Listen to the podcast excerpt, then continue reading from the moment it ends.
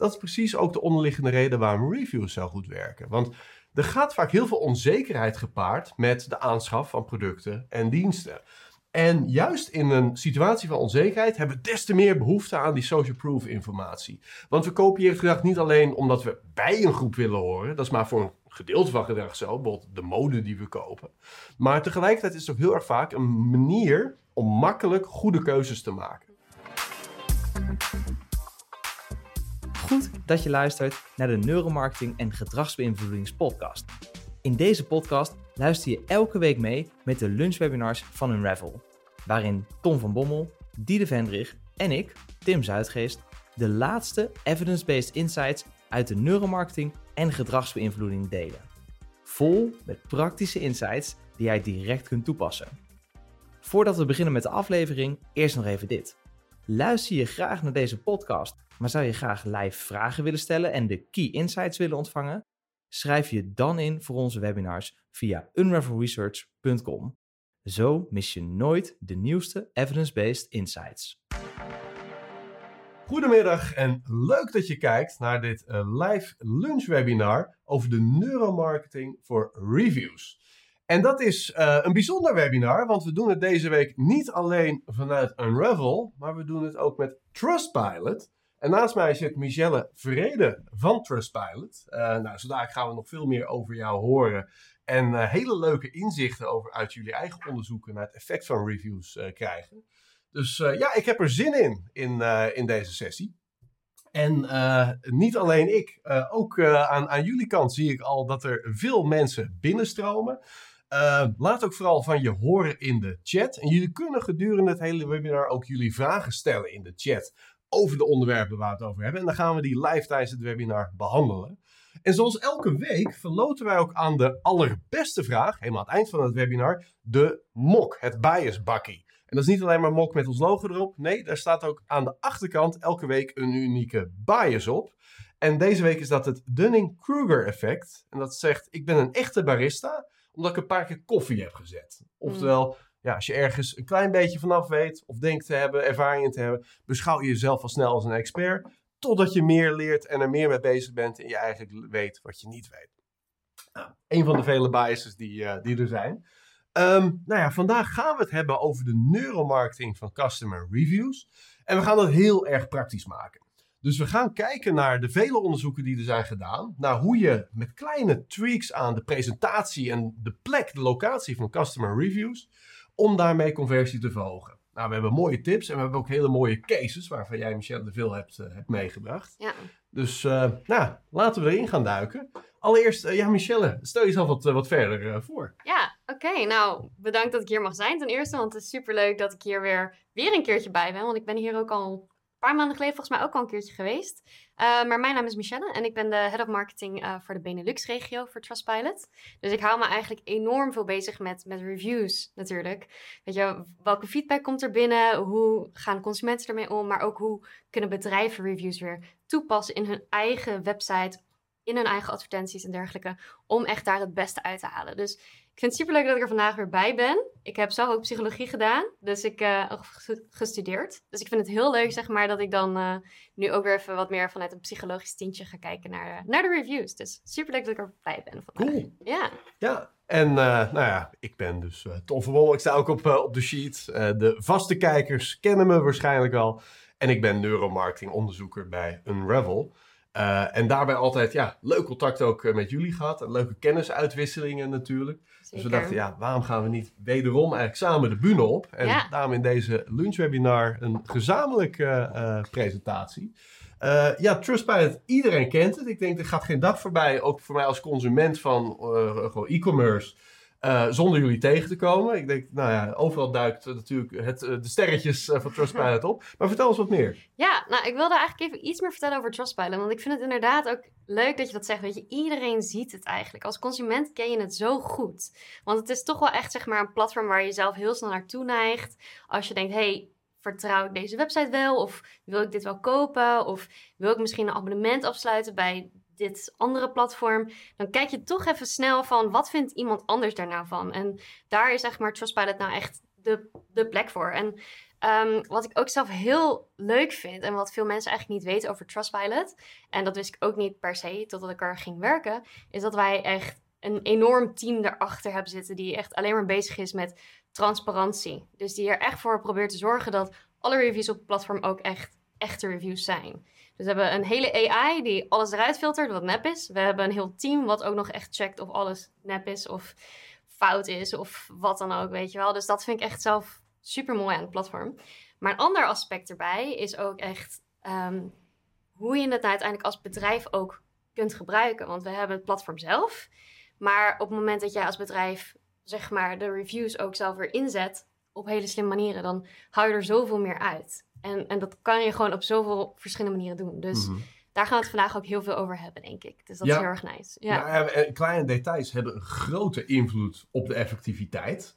En ja, bijvoorbeeld iets als een review. Je kunt het op heel veel verschillende locaties in potentie op een website zetten. Maar het is heel belangrijk dat je het precies op het juiste moment onder de aandacht brengt. Waar de consument er het meest gevoelig voor is. Of het meest behoefte aan heeft, laten we Mhm. het zo zeggen. Precies. Nou, en daar hebben we zo dadelijk echt hele mooie voorbeelden van, inderdaad. Ja, cool. Ja, ik, eh, goed punt dat je zegt. Kijk, je hebt natuurlijk enerzijds reviews als zodanig, veel online. Mhm. Maar daarbij is natuurlijk best wel vaak de eh, betrouwbaarheid een, een, een wankel vraagstuk. Ja, Dat je denkt van ja, zeker op een website die je misschien niet zo goed kent. En daar staat gewoon een of andere tekst van hey, helemaal top 5 sterren.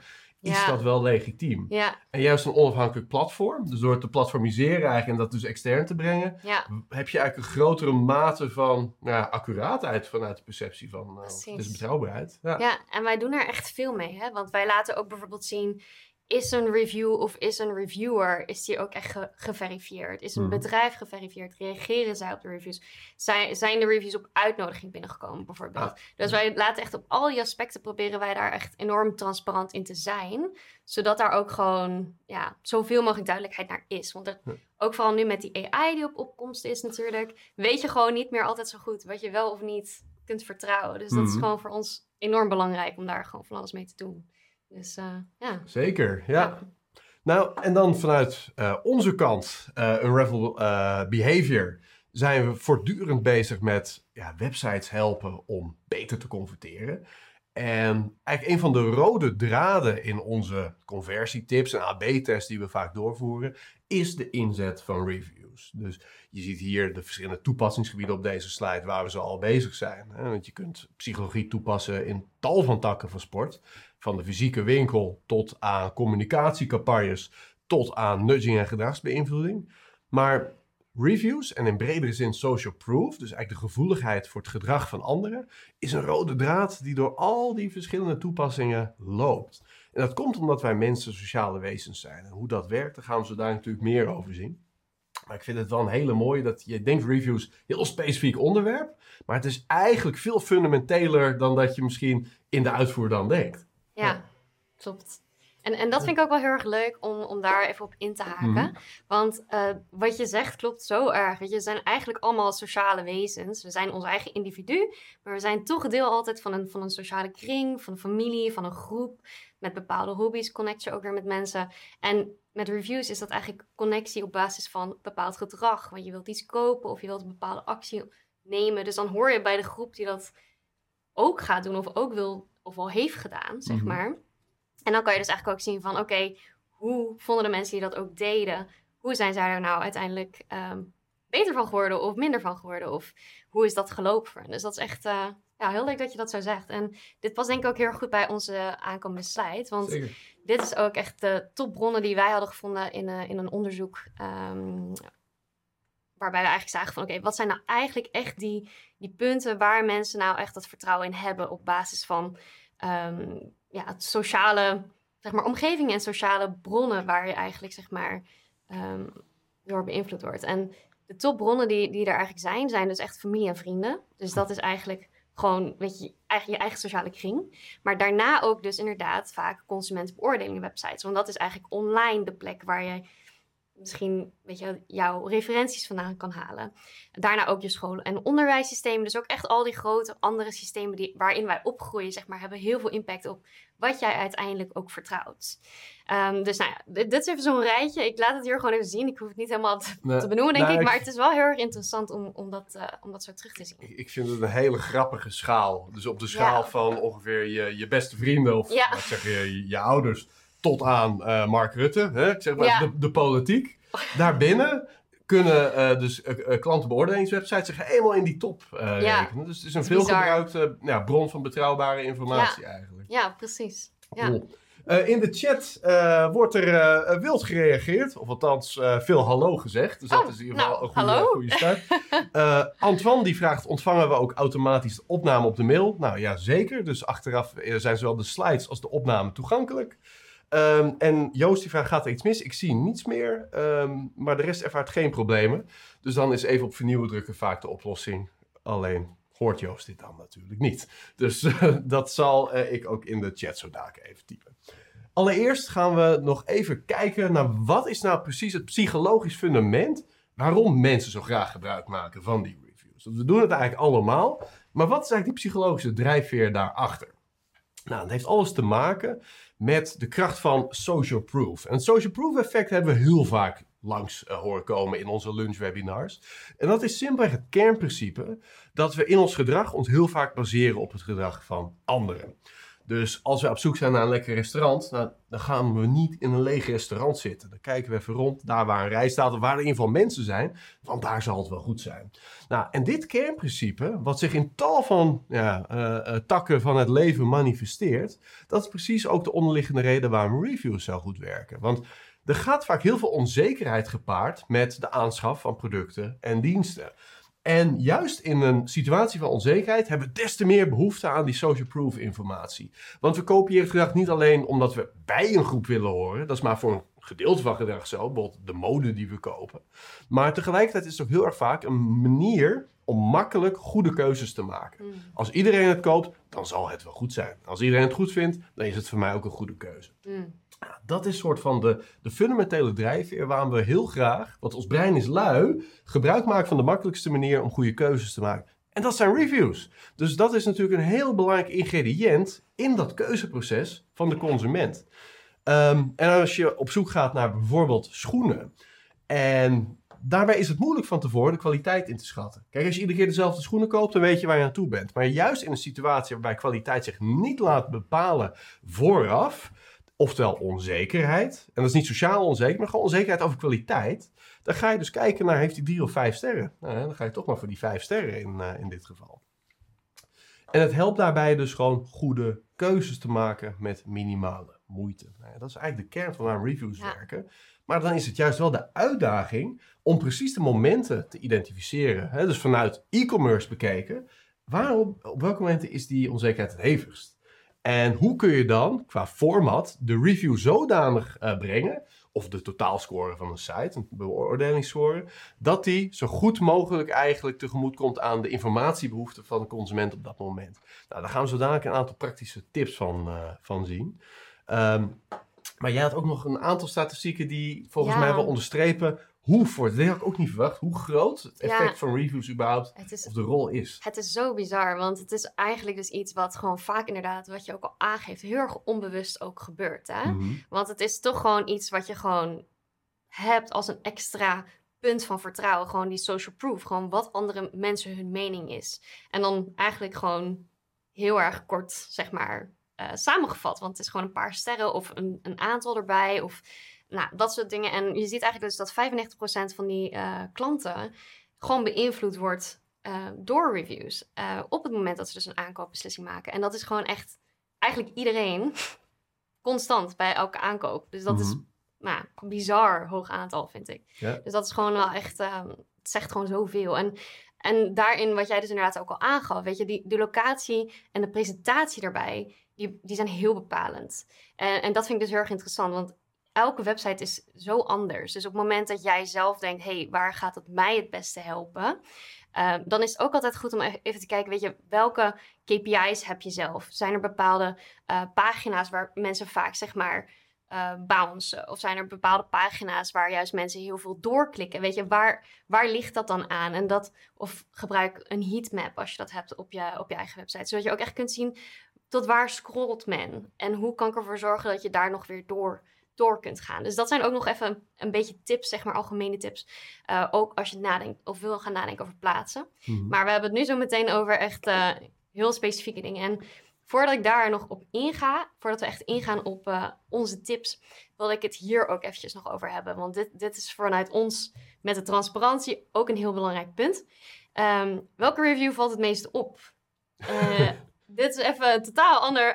De mensen over de andere. Dus welke eigen- valt het meest op, jongens? Hebben jullie een, uh, een antwoord in de chat? Zie je iets voorbij komen? Nou, nou, er zit een lichte vertraging in, maar ik durf mijn geld in te zetten dat de ogen rechts onderin schoten. Ja, dit is inderdaad ook wat wij eigenlijk altijd zien.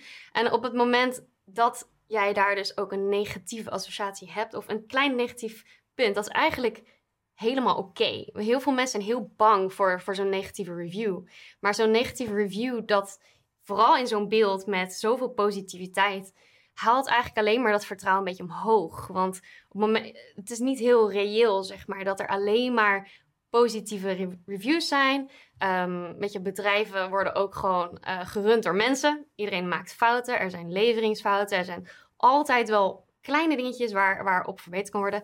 En dat is heel normaal. En men weet dat ook. En dit wilde ik ook eventjes met iedereen delen, omdat dit gewoon heel belangrijk is um, in hoe jij ook zeg maar daarmee omgaat met zo'n klant. En, en er gewoon voor zorgt dat jij dat gewoon effectief oppakt, maar ook gewoon laat zien. Want het is ook gewoon goed dat je dan weer laat zien dat jij daar gewoon weer goed mee omgaat. En het is enorm belangrijk, en dat, dat zie je een beetje hier zo links, uh, ook zo'n antwoord van, hey, oh, fijn dat je dit eigenlijk deelt. En hier gaan we wat mee doen. Want 68% ook uh, van, van de consumenten, die vertrouwt dus ook reviews meer, als er ook een slechte score bij zit. Omdat je dan dus wel gewoon echt laat zien dat je dus een, een echt volledig bedrijf bent.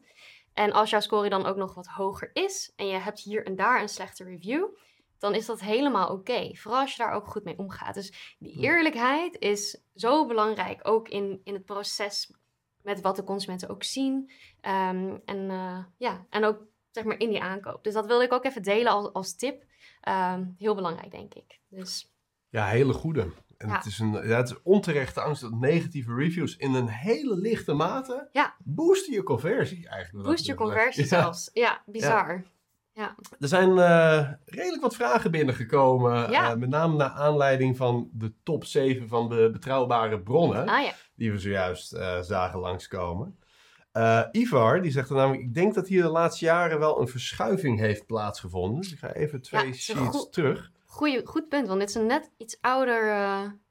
Het is onderzoek uit geloof 2020. Ja, dus dat is dus net voor de coronatijd Net voor geweest. corona, ja, inderdaad. Ja, ik vind het wel goed dat je dat benoemt. Ik ga er volgende keer even naar kijken voor een andere bron, mogelijk.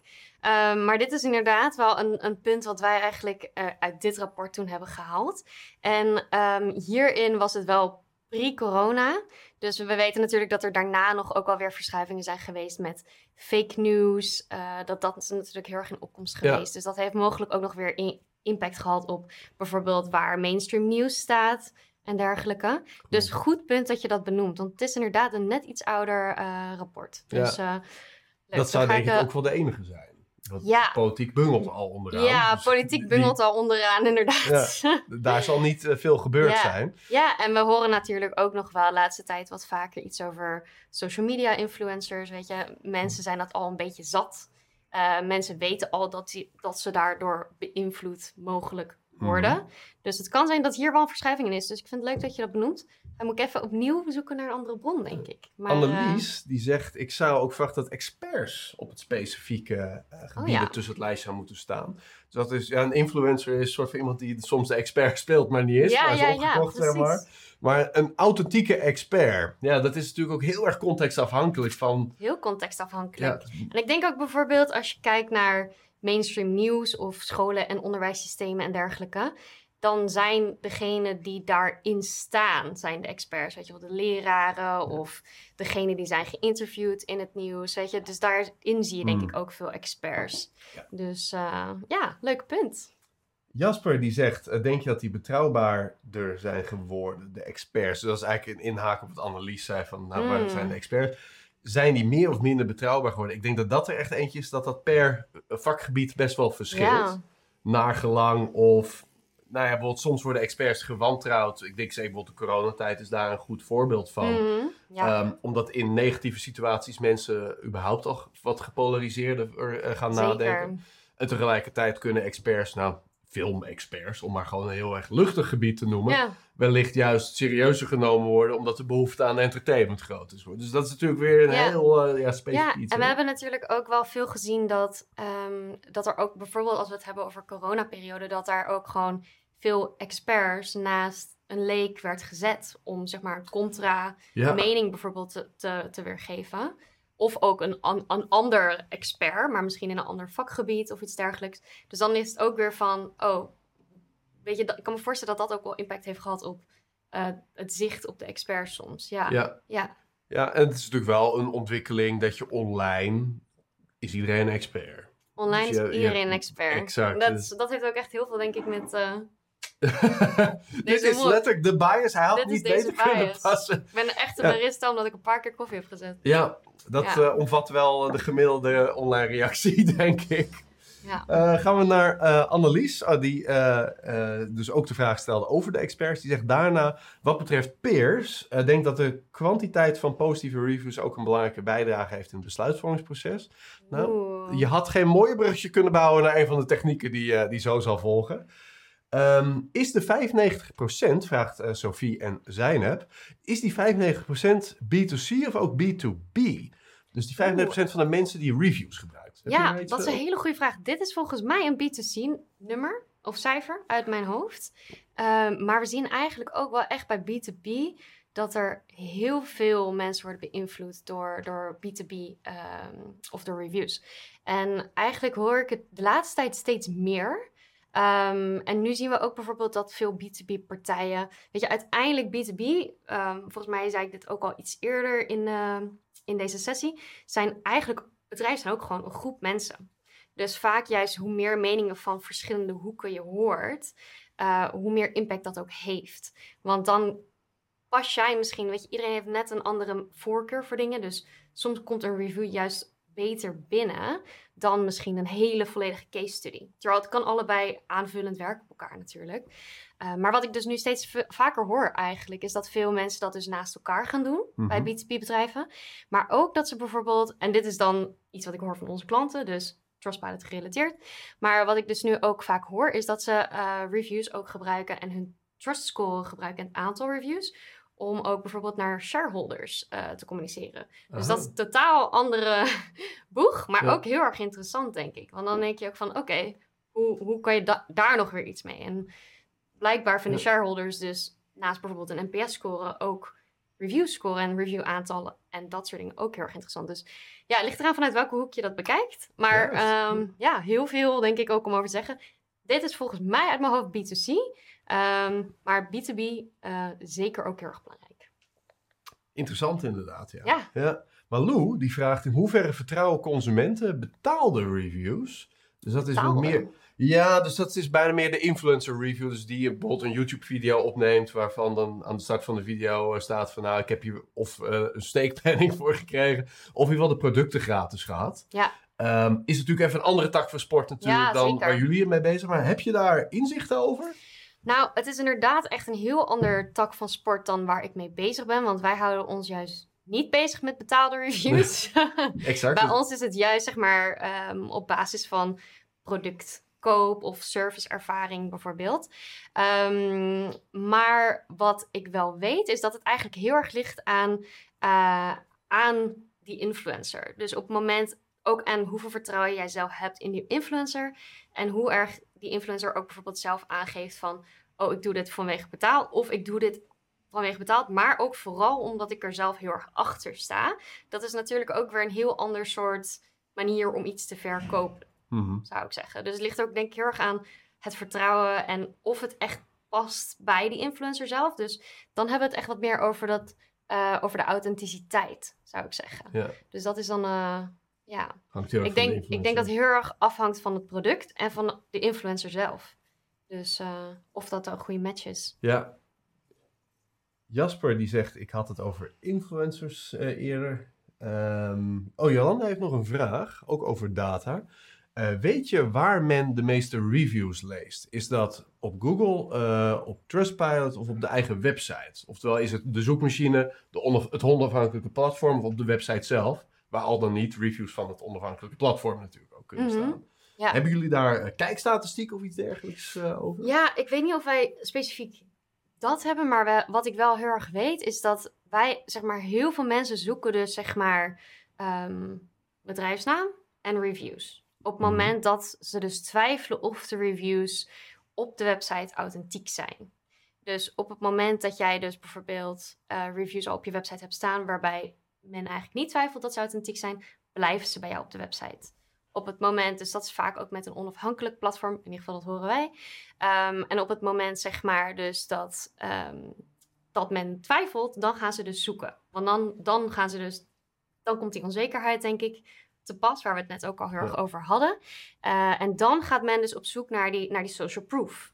Uh, is het ook wel echt daadwerkelijk zo? Dus zeg maar, ik denk dat dat eigenlijk heel erg een antwoord daarop is. Als we het hebben over bijvoorbeeld wat meer Google reviews um, of Trustpilot reviews. Google reviews zijn heel erg locatie-specifiek. Um, bij Trustpilot hebben we ook locatie-specifieke reviews, maar we hebben ook website-specifieke reviews. En Google heeft, um, ja, dat is eigenlijk heel iets anders. Dus vaak als men zoekt naar bijvoorbeeld naar een kapper of iets dergelijks, dan zoeken ze eerder op Google Maps. En dan kom je daar gewoon natuurlijk een kapper tegen en dan kijk je naar de reviews of je kijkt op bijvoorbeeld Streetwell of iets dergelijks. Um, terwijl als je zeg maar kijkt naar, um, ja, ik denk dat het heel erg ligt, het ligt heel erg aan, aan de website zelf. Vertrouwt de consument dat zelf wel of niet? Maar je, kunt, ja, je kan altijd als je een account hebt op uh, Trustpilot ook zien hoeveel mensen je pagina hebben bekeken. Dus uh, misschien helpt dat ook met, met de vraag beantwoorden mm -hmm. uh, voor jouw website. Ja. Dat, eh, ja. Ook hier is dat weer uniek per geval natuurlijk. Uniek per geval, ja. zou ik zeggen. Um, Sophie en Zijnep zeggen, klopt, onze shareholders vragen om reviews. Dus nou, die heeft uit hey. de, de, eerste hand kan dat bevestigen. ja. Um, Bram heeft een B2B-vraag. Er worden heel veel vragen gesteld, dus oh, dat, ja, dat is wow. wel nogal pittig voor, uh, voor de mokcel. uh, maar Bram die vraagt, uh, waar zit het verschil tussen een review, een testimonial en een business case op de eigen website? En wat, dat is een hele complexe vraag. Hele complexe vraag. En, en, wat is de toegevoegde waarde dan? Ja, dat is wel een hele, hele interessante vraag. Nou, een, een, case is natuurlijk eigenlijk... Um, je, je hebt een uh, bespreking met de klant en je zegt: Hey, wil je daar misschien een case over maken? Vaak maak je dan een video of je doet bijvoorbeeld een heel, interview of je doet een, een blog, bijvoorbeeld. Um, ja, dat is gewoon een heel stuk content eigenlijk. Um, en je kunt ook zelf eigenlijk kijken van welke klant uh, heeft een goed verhaal, welke klant heeft um, positieve resultaten. Wij doen dat zelf ook. Als wij zelf kijken naar B2B uh, klanten, weet je, dan kijken we ook van oké, welke heeft een interessant verhaal? Hoe gebruiken ze Trustpilot? Kunnen we daar misschien iets over delen? Maar dat is wel heel erg gefilterd. Um, als je kijkt naar testimonials, dan is dat vaak een klein deel daaruit. Uit misschien zo'n case of uit zoiets. Of gewoon een quote die, die je vraagt aan iemand. Um, reviews zijn vaak um, dingen die er eigenlijk automatisch uitstuurt. Dus op het moment dat jij een bepaalde service hebt verricht, dus stel misschien klantenservice of iets dergelijks, of men heeft iets afgenomen, of er is een product geleverd, of nou, van alles, dan uh, automatisch kan je dan al een review vragen. Dus echt zeg maar een invite ook sturen voor een review. Dus dan heb je eigenlijk real life, ongefilterd, uh, directe feedback. Dus dat, als je dat laat zien, dan is dat natuurlijk wel ook een heel ander beeld dan case studies.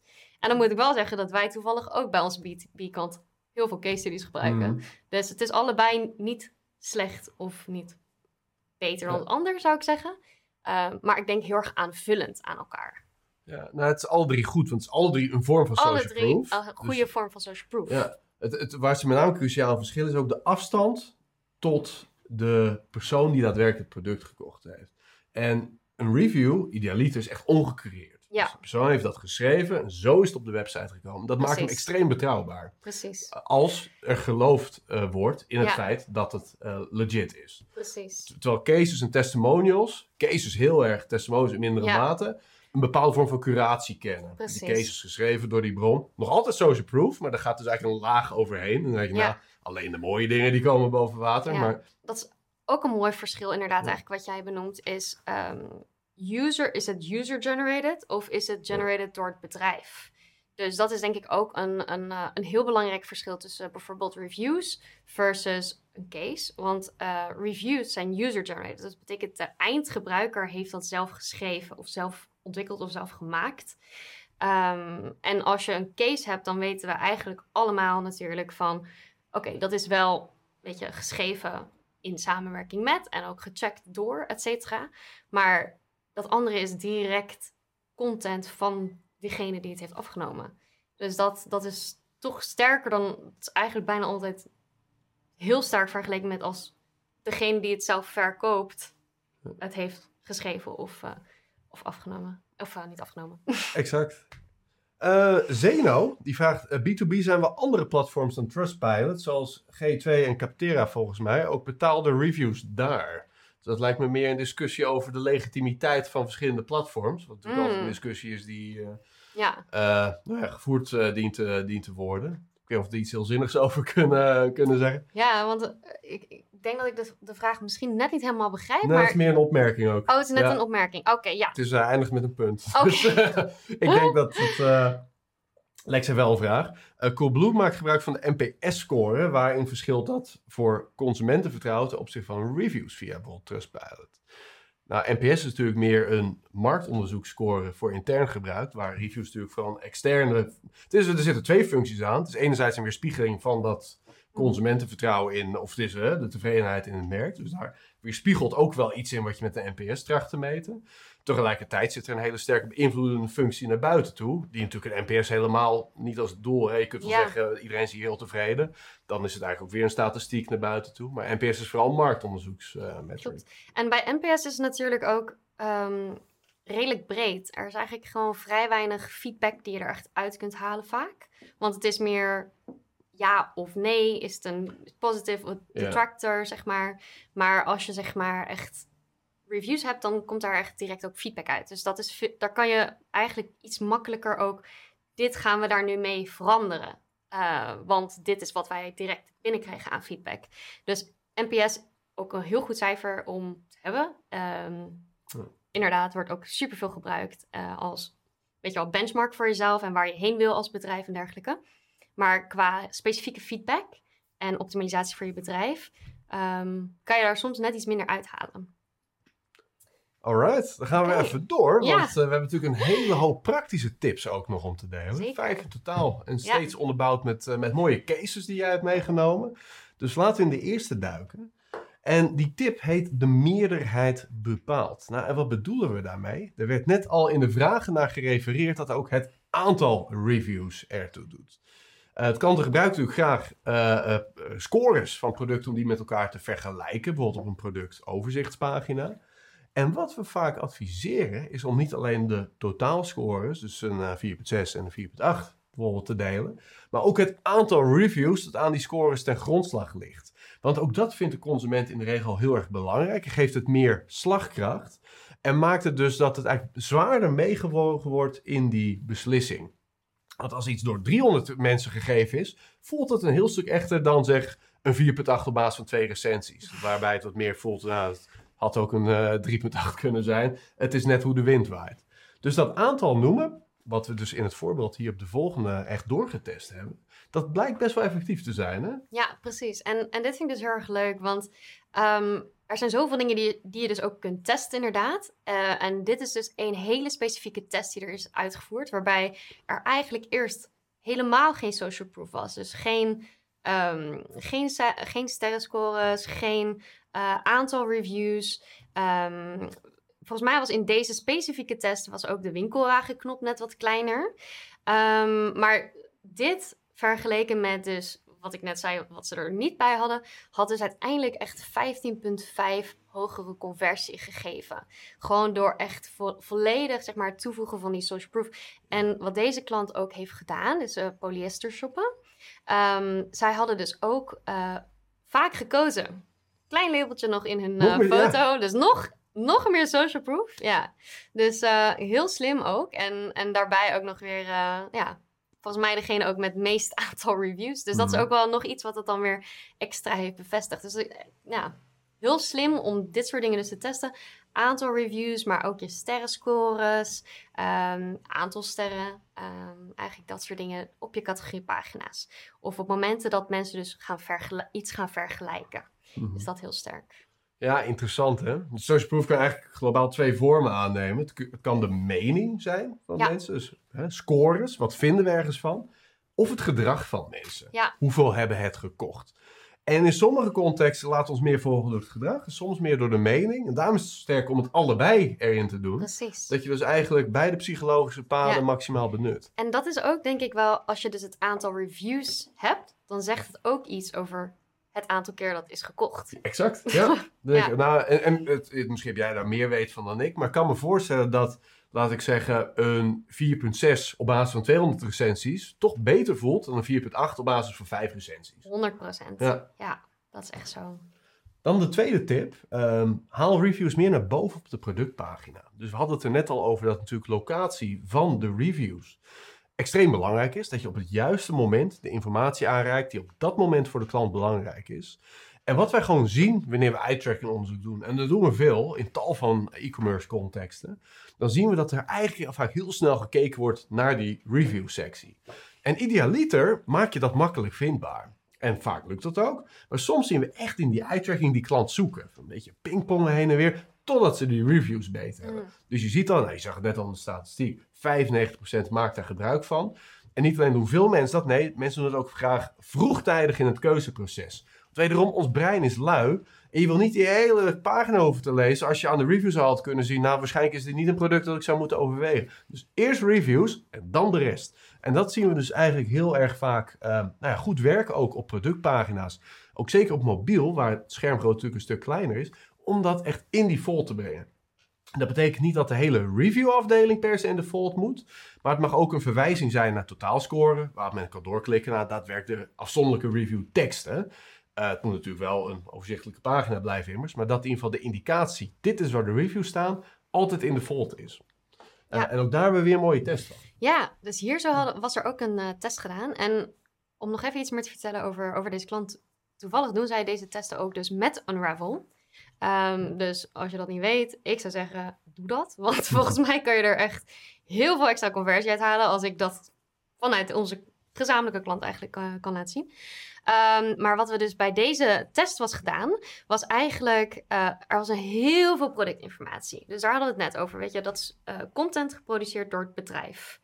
Ehm, in de tweede, zeg maar, de tweede versie, dus de, aan de rechterkant, dan zie je daar dat er eigenlijk alles een beetje is samengevat. Dus je hebt nog steeds de SEO-waarde, want al die content is er nog, maar het is gewoon een klik meer. En daarmee is ook die social proof eigenlijk wat meer omhoog gehaald. Dus nu hoeft men alleen maar één keer te scrollen. En volgens mij uit mijn hoofd heeft deze klant ook bovenin bij zo'n productpagina ook nog een klein extra ehm sterrenscore. Ehm, maar toch, zeg maar, alleen maar dat één keer scrollen heeft ervoor gezorgd, in plaats van twee, drie keer, dat er eh 16,4 hogere conversie is gekomen. Dus, testidee. Haal, als je heel veel tekst hebt, als je dat ziet, eh, probeer dat dan dus al, misschien onder een net iets klik meer-achtige ehm, knop te doen. En haal je reviews of die, die social proof net wat meer omhoog. Zodat het net wat prominenter in beeld is. En op mensen dus dat, dat ze normaal zouden afhaken, dat ze dan toch zien, oeh, dat is wel een goede score, zeg maar. Precies. Ja. Dat, dat, dat, dat vergt verdere inspectie eigenlijk. Ja. En dat is wat je wil, mensen vangen. hè? Ja. Eh, de derde refereerde ik net al subtiel naar, of eh, subtiel, subtiel mobiel. Dus die mobiele telefoon biedt natuurlijk heel wat minder ruimte dan een desktopscherm. Mm. Wat betekent dat je nog beter moet nadenken in het design van wat is de rol van reviews? Waar plaatsen we dat? Ehm, en wat we daarin zien is dat de informatiebehoefte van mobiele gebruikers best wel anders is dan de informatiebehoefte van desktopgebruikers. En heel veel technieken die juist goed werken op desktop, die werken best wel vaak averechts op mobiel. En hoe komt dat? Op mobiel willen we eigenlijk doelgerichter zijn, dus sneller klaar zijn. Dus juist heel veel psychologische technieken, die werken vaak meer informatie in de flow, die dan wel overtuigend is. Nou, Ja. je hoeft alleen maar naar booking.com te gaan En je hebt daar voorbeelden van. Dus dat zijn allemaal van die zinnen van hoe, hoeveel mensen wel niet op die pagina zitten uh, op dit moment te kijken. Hoeveel van die kamer verhuurd is. Dat is in de regel goede informatie, maar op mobiel wordt het al snel too much. Um, en wat je dus vaak ziet is dat wanneer je terugbrengt tot de meest essentiële informatie, dat dat goed is op mobiel.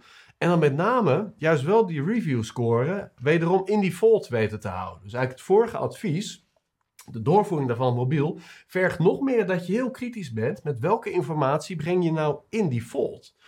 Um, daar hebben we hier een testidee van. Ja, en dit is dus ook een testidee. Um, als je dus zeg maar inderdaad je, je reviews of je social proof wilt laten zien op mobiel, zorg er dan eigenlijk voor dat het zo min mogelijk ruimte inneemt. Je wil eigenlijk dat de focus vooral er is op die call to action, op de volgende call to action. Dus maak die UX zo makkelijk mogelijk voor, voor jouw gebruiker. Want dat is inderdaad, net als uh, dat Tom net aangeeft, waar men naar op zoek is. Ze willen gewoon verder in die reis, verder kijken, verder die, die acties nemen. Want vaak op mobiel, dan wil je gewoon even snel, snel, snel. Ehm, dus maak dat zo subtiel mogelijk. En iets, iets meer bovenaan fold. Want ook op mobiel scrolt men minder graag. Dus ook doorklikken is vaak fijner dan scrollen, scrollen, scrollen, zeg maar, voor, uh, voor een mobiel gebruiker. Dus dat is heel uh, belangrijk. En daar hebben we ook eigenlijk een voorbeeldje nog van. Um, dit was ook een test, dit is een, eh, een Deense klant van ons.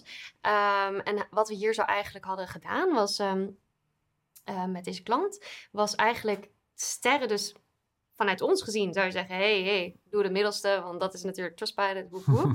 Maar eigenlijk is dat niet per se wat we aanraden. Op mobiel zouden we juist aanraden: maak het klein, maak het subtieler. En we zien eigenlijk bij deze nog steeds dat de social proof nog steeds de conversie heeft verhoogd ook op de middelste. Maar als je wil dat het hoger is, die conversie nog, zorg er dan voor dat het niet afleidend is. Dus maak het kleiner, maak het subtiel. Zorg ervoor dat er wel iets wordt benoemd over, over de social proof.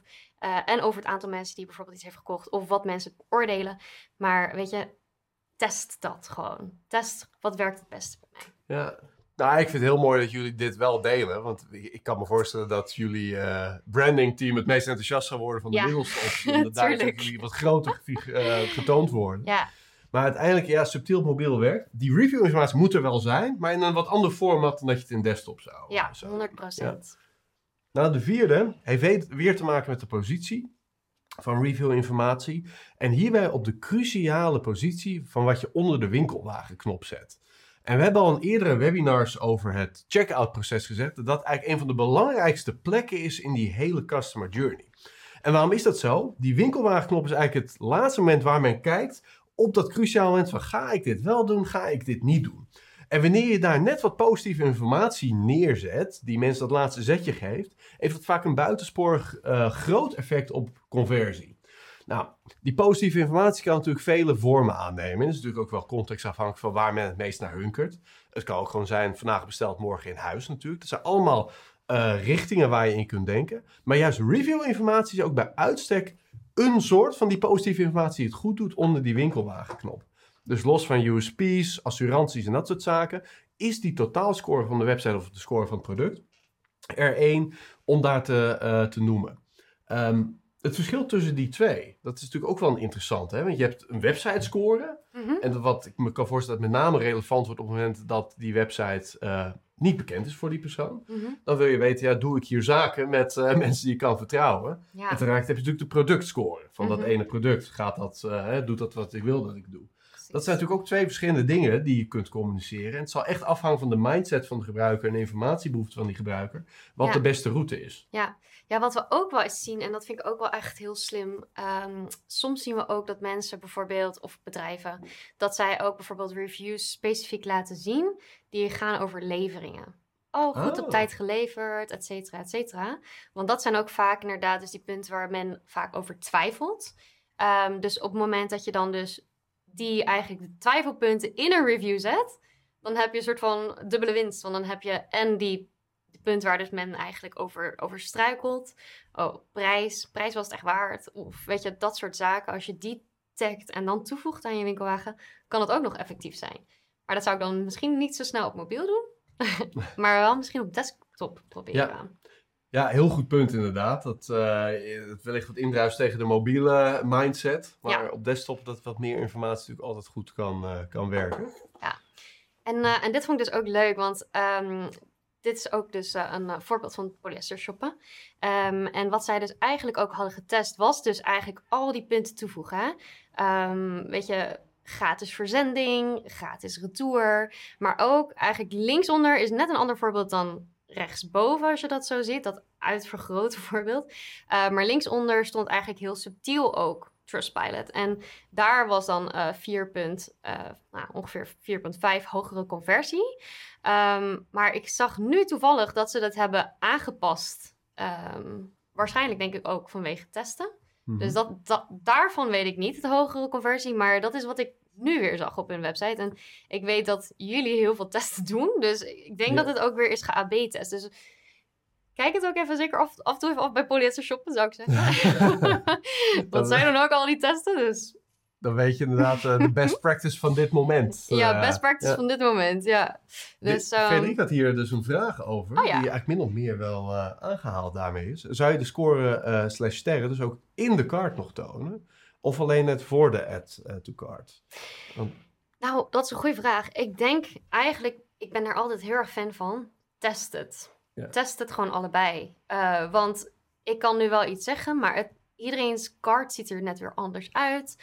Um, persoonlijk, als ik zelf zeg maar zou kijken naar mijn e-commerce uh, webshop, zou ik waarschijnlijk productpagina's focussen op product reviews. Um, in de card zou ik echt iets subtieler misschien um, juist iets zetten. Um, weet je, als onderdeel van wat positieve punten. Um, maar ik denk dat het, ja, dat is echt, echt iets wat je moet testen, denk ik. Wat werkt het beste bij jouw klant? Waar zijn, wat zijn de, eigenlijk de punten waar zij zelf afhaken ja. ook? Ja, het is altijd weer terug naar de kern natuurlijk van wat lost social proof op? Nou, dat is onzekerheid. Is Ja. men in die card nog onzeker over iets? Ja, Zo ja, dan zou je dat kunnen oplossen natuurlijk met review-informatie. Het kan bijvoorbeeld de verzending zijn, hè? iets heel specifieks. het kan ook de verzending zijn. Ja. Ehm, en tegelijkertijd moet je altijd in, in, in acht houden dat natuurlijk die card niet te druk moet worden. Omdat je anders weer Precies. via design, eh, om designredenen klanten verliest. Dus precies. het is een samenspel van veel factoren. En dat maakt het ook, eh, nou ja, belangrijk om te testen. Alleen Ja. dan kom je achter het antwoord voor jouw webshop. Laatste tip, tip nummer 5, is het format van de reviews. We hebben het tot dusver gehad over de timing, de plaatsing, de inhoud, maar het is natuurlijk ook een stukje design daarvan. Ga je voor getallen, ga je voor sterren of ga je voor allebei? En ook dat is iets dat eh, zich goed laat testen. Want je Mhm. kunt natuurlijk zeggen, dit product eh, eh, heeft vijf sterren door gewoon die vijf sterren af te beelden. Mhm. Je kunt ook zeggen, dit product heeft een 5.0 uit 5. Eh, goed product dan trouwens, maar Mhm. eh, precies dat. En dat heeft andere manieren van verwerking met zich mee. Het ene is wat emotioneler, het andere is wat cognitiever. Nou, daar heb je gewoon per persoon onderling verschillen in voorkeur voor. Het is ook zo dat het bij het product moet passen. Want vaak producten die we om emotionele redenen kopen, zoals een Mm. eh, vakantie of een frisdrankje of Mhm. iets, hè, noem maar op. Ehm, dan willen we vaak ook informatie in een emotioneel format aangereikt krijgen. Terwijl iets heel functioneels juist weer getal beter werkt om die functionele aspecten boven het licht te krijgen. Ja. Dus lang verhaal kort, testen. Ja, en waar, waar we ook nog wel echt veel verschil in zien, is eh, bepaalde industrieën. Of op het moment dat bepaalde producten ehm, een hogere prijs zijn. Dus dan is het veel meer een investering. Eh, en dan hebben mensen ook wel echt veel meer nog weer de behoefte. Dus als het wat meer echt een, een grote keuze is voor iemand, nou dan, dan is er eigenlijk juist ook heel veel behoefte aan die zekerheid. Dus dat ook nog wel, als, als dat past, als je denkt, oh dat past bij mijn bedrijf, zou ik zeggen, test dat Mhm. ook vooral, ja. Hier nog een testidee. Ja, testidee. Test je format. Ehm, wij doen eigenlijk ook vaak dat we aanraden natuurlijk. ehm, gebruik ons. We zijn onafhankelijke partij. Ehm, dus als jij zeg maar eh, bij ons een account hebt, dan kan je dus ook zeg maar ons logo laten zien. Betaald account, moet ik wel even zeggen. Betaald account hebt. Ehm, maar laat vooral ook je, je visuals zien, dus die scoren. Dus echt de sterren. Of, ehm, nou, we hebben een beetje een soort van balkje bijna is het. Met, eh, met sterren erin. Uh, maar ook de score kan je proberen te testen. Of ook het aantal reviews kan je dus ook proberen. Dus kijk, weet je, haal er een keertje iets weg. Voeg juist een keer iets toe. Kijk wat werkt het beste. En ook waar op de website. Of misschien in een advertentie als je dat doet. En dat is eigenlijk denk ik ook misschien de volgende. Oh nee, dat Nou, is iets wat... eh, Hier, eh, een, eh, eh, mijn collega Diede, Oh ja. die veel kijkers in het web natuurlijk goed kennen, die met name dat aspect ook onderstreept, hoe belangrijk het is om betrouwbare review-informatie Oh te hebben. Want reviews, daar zit natuurlijk social proof in, in potentie, maar ook een hele hoop cynisme. mm, Vooral op het moment dat we bij een website bestellen die we nog niet kennen. En toch elke bron van informatie met een korreltje zout wordt genomen. En juist in die contexten is het heel erg, heeft het heel veel meerwaarde natuurlijk om die reviews op een manier te presenteren dat ze wel die betrouwbaarheid hebben. Oftewel met een onafhankelijk platform. En dat is dus eigenlijk wat, eh, wat Didi ook zegt, dat staat op basis van test. eh, ook echt duidelijk ziet dat daar dus een meerwaarde in, eh, in zit. Ja. Ehm, en over test gesproken, ja. dit en was denk ik de test waar ik net nog naar Ja, refereerde. dat zelfs in de, veel eerder in de customer journey al in de advertentiefases Ja, eh, natuurlijk. eh, reviews een belangrijke rol kunnen spelen. Precies, en dat, dat vond ik dus ook wel heel erg interessant. Want als we echt, echt nadenken over. Weet je, we hebben het nu eigenlijk heel erg gehad over considera consideration phase. En ehm, ja, echt zeg maar echt dat, dat kopen zelfs. Ehm, maar we hebben daarvoor ook natuurlijk allemaal fases natuurlijk met, weet je, advertenties, ehm, mogelijk Google ook nog zoek, eh, geschied, zoekgeschiedenis, zoekgedrag. Ehm, eigenlijk van allemaal verschillende kanalen die daar ook nog bij spelen. En ik wilde daarom dit ook nog even laten zien. Dat is een voorbeeld van Fairphone. En zij hadden eigenlijk een, eh, een advertentie voor om wat meer naar de Franse markt eh, te gaan. En zij hebben dus toen ook een test gedaan, waarbij ze eigenlijk ook, en dit hebben we volgens mij niet benoemd als eh, deel van een review format, maar echt een review zelf. Dus dat kan je ook nog testen. Dus die hebben we er niet bij staan, maar is ook nog een, een tip. Ehm, maar wat we dus hier zo eigenlijk zagen is, ehm, weet je, deze, deze telefoon is echt een eh, revolutie, staat daar. Maar dan klant van Fairphone. Ehm, dus dat zie je links staan. En rechts zie je eigenlijk al die andere content ook, maar zonder de review. En eigenlijk vanuit onze eigen ervaring zien we juist vaak dat het toevoegen van een review ook heel goed kan werken. Maar dit zit denk ik zo erg nog in die awareness fase, dat je eigenlijk veel meer nog zoekt naar die, die duidelijke bron van onafhankelijk vertrouwen, Mhm. denk ik. Ja. Ehm, en wat, wat ik ook misschien nog denk, dat misschien nog ook nog een inter- interessante test zou kunnen zijn, is als, want nu zie je dus eh, deze telefoon, maar er staat er gewoon klant van Fairphone. Ehm, misschien dat dat ook wat minder vertrouwen geeft, omdat er niet een echte naam staat, bijvoorbeeld. Dus dat je dan ook niet helemaal zeker weet of, of dit echt een klant is van Fairphone, of dat ze dit weer gewoon zelf hebben geschreven. Dus dat, Ja. dat vraag ik me dan ook af. Dus ook met dat soort dingen kan je testen. Dus nou, in dit geval bij, bij Fairphone, zonder de review tekst, werkte dus voor hun beter. Dus dat vond ik heel erg interessant en dat wilde ik ook graag met jullie delen. Want dit is ook weer gewoon een manier waarop je dit zou kunnen toepassen. Ehm, Ja. ja. Gigantisch is effect, super hè? interessant. 40%. 40% hogere click-through Ja. rate. Ja, op de, op de B-versies. Ja. Dus, Laten eh, we naar heel de laatste vragen gaan. Ja. Want eh, we hebben toch wel weer de tongen Ja, losgemaakt. we hebben ook enorm veel eh, slimme, intelligente mensen hier zo. Die... Absoluut. Heel ja, goed publiek komen. inderdaad. Goed dat publiek. eh, dat eh, mag beloond worden zo dadelijk met het, eh, met het biasbakje. Maar laten we het eerst behandelen. Agnes die vraagt... In welke sectoren geven klanten spontaan de meeste reviews en in welke sectoren de minste? Hmm. Dus he- heb je daar data over? Dus de welwillendheid om te Ja. reviewen. de welwillendheid om te reviewen. Wat, wat wij eigenlijk heel erg zien, is dat mensen, als we het hebben over uit zichzelf reviewen, dan is dat niet specifiek sectorgericht. We, we hebben wel onderzoek naar welke sectoren hebben mensen de meest behoefte aan reviews, of welke industrieën. Maar eh, als we het echt hebben over wanneer ze het zelf achterlaten, zeg maar, dan is eigenlijk vooral de tip bij mij, ehm, of wat we dan eigenlijk vooral zien, is dat mensen die een hele negatieve ervaring hebben of een hele extreem positieve ervaring hebben, dat die uit zichzelf reviews achterlaten. En eigenlijk de hele grote middelmoot, want dat is natuurlijk het grootste deel van, van de consumenten, dat zij dat gewoon niet doen. Dus wat je dan moet doen, is eigenlijk even die trigger geven. Dus ze uitnodigen om een review te schrijven.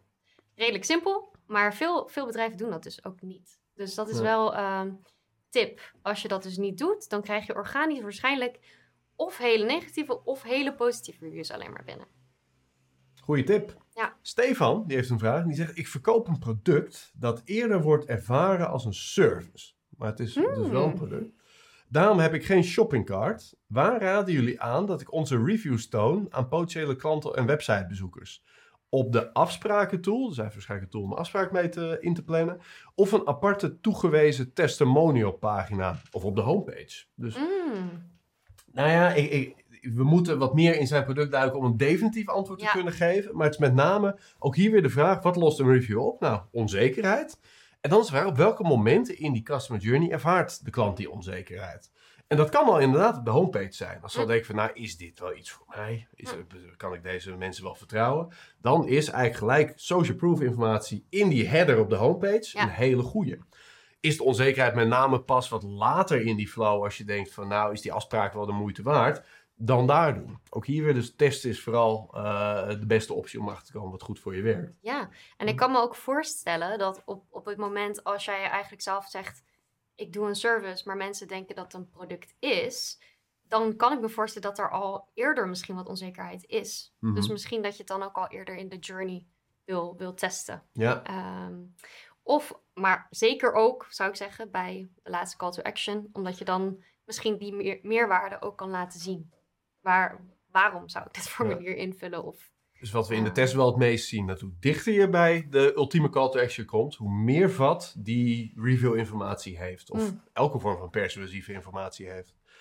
Ehm Parkos, die zegt, is er ook onderzoek gedaan of social proof dezelfde werking heeft cross-border.